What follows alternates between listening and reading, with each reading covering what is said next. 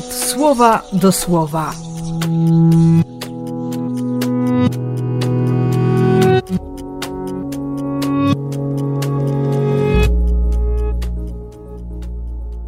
Siedemnasty października, wtorek.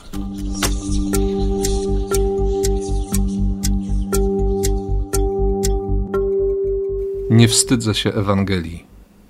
To, co pisze Paweł, to, co będzie powtarzał wiele razy Ignacy z Antiochii, nawet w tym dzisiejszym fragmencie swojego listu do Rzymian, gdy podobnie jak apostoł narodów, Ignacy też, też płynie do Rzymu i powie: Powstrzymajcie się od niewczesnej życzliwości.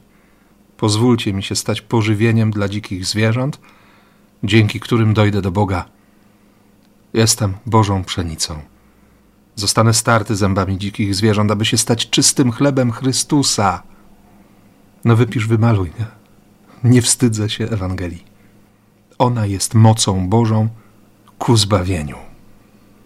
Dlatego tak ważne są te wszystkie pytania o wiarę, o moją wiarę, o moje doświadczenie Boga, o to, w jaki sposób sam się odnajduję w tym, co pokazuje mi Kościół, w tym świadectwie męczenników, w codzienności moich sióstr i braci, którzy, którzy mierzą się z rzeczami, o których nikt nigdy wiedzieć nie będzie, ale doświadczają łaski, budują Kościół.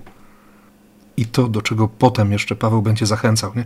Żeby, żeby odkrywać to prawdziwe oblicze Boga, dokopać się do obrazu i podobieństwa. I kiedy patrzę w lustro, mogę się zachwycić mądrością Boga, Jego fantazją, Jego miłością tym niepohamowanym pragnieniem kochania. I mimo, że widzę, widzę swój grzech, widzę przywiązania rozmaite, widzę brud, to wszystko, według słów Jezusa, trzeba dziś oddać na jałmużnę.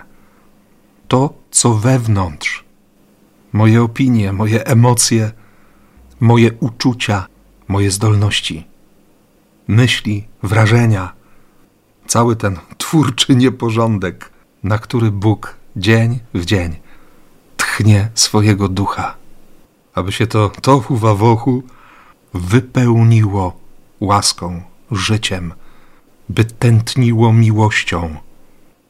Dać na jałmużnę, to znaczy pomóc komuś, tym co we mnie.